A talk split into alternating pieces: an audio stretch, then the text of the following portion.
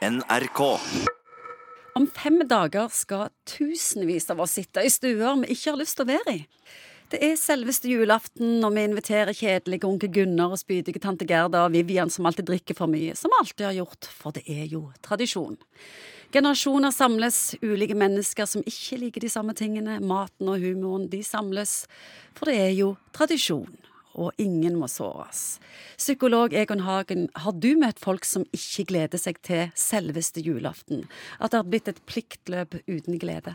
Ja, det har jeg vel gjort. Det er noe med at det er så høye forventninger til jula. Så nå er vi rett før, men det er høye forventninger, og det er masse forberedelser, og nå skal vi ha det grævlig kjekt. Det er litt sånn, litt sånn feriekrangel. Altså nå endelig vi ferdig jobba, nå skal vi ha det kjekt. Og så oppdager du at eh, det ble kanskje litt annerledes enn det du hadde tenkt. Jeg kjenner mange som ofrer seg og feirer julaften med folk de nesten ikke kjenner.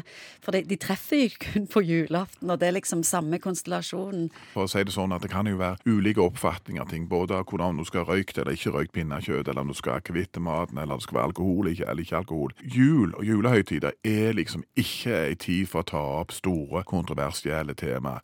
Har du først møtt opp, så må du just fake it till you make it. Så dette skulle de ha snakket om i oktober? Ja, for lenge før. Og det er noe med at fallhøyden er så stor hvis du midt under ribbemiddagene begynner å ta opp ting som er veldig, veldig Men dette er hårsåre ting hele året. Altså, Du blir jo redd for å såre eh, spydige tante Gerda. Ja, men i hvert fall ikke ta det opp på julaften. Nå vil jeg heller snakke med tante Gerda før jul. Men jeg har lyst til å snakke om tradisjonene. For det der er folk jeg kjenner som ikke får lov å reise på ferie i julen. For at du skal være hjemme på julaften. Noen er jo mer eh, servile eller føyelige i forhold til tradisjoner enn andre. Og jeg tenker at det, det går jo an å istedenfor Jeg har sagt til mange ledere i forhold til forskjellige ting. At ikke bare motta en kontekst du skal være i, skap deg en kontekst.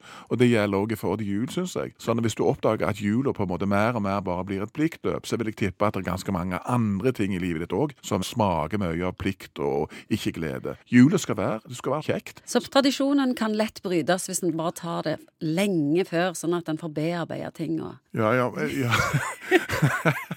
ja, ta noen grep, da. Sørg for hvis du sitter år ut og år inn sant, i en julesetting som du ikke trives i, så ville jeg gjort noe med det. Jeg hadde drevet i noen hellige kuer jeg, i jula, så jeg hadde sørget for at uh, de som syns det er kjekt å feire jul sånn som vi feirer jul, er sammen. Og da, og, men det er jo sånn i livet at det går jo en sentrifuge egentlig hele veien. Iallfall gjør det det hos meg. Så for, hvis folk uh, be good or be gone Og så sitter vi her og snakker kanskje litt luksusproblemer, mener noen. For det, er veldig mange som ikke har noen å være med, så hadde gjort hva som helst, bare være med noen fremmede på jula. Ja, hva i all verden skal svare om det? Ja. For klart at Vi blir jo litt nagne i disse høytidene hvor alle har så høye forventninger. Og, og mange syns jo at både jul og påske er noe av det verste det fins, fordi at kontrasten i forhold til veldig mange andre blir så annerledes. Du ser at her går folk rundt juletreet, og det er god stemning og alt dette, som er for de aller, aller fleste. Nå har vi snakket litt negativt om det med jula, men for de aller, aller fleste så er jo dette ei strålende høytid. Og klart, hvis du sitter der alene sant, og så med en Fjordland-greie foran deg, så oppleves jo dette grusomt, selvfølgelig.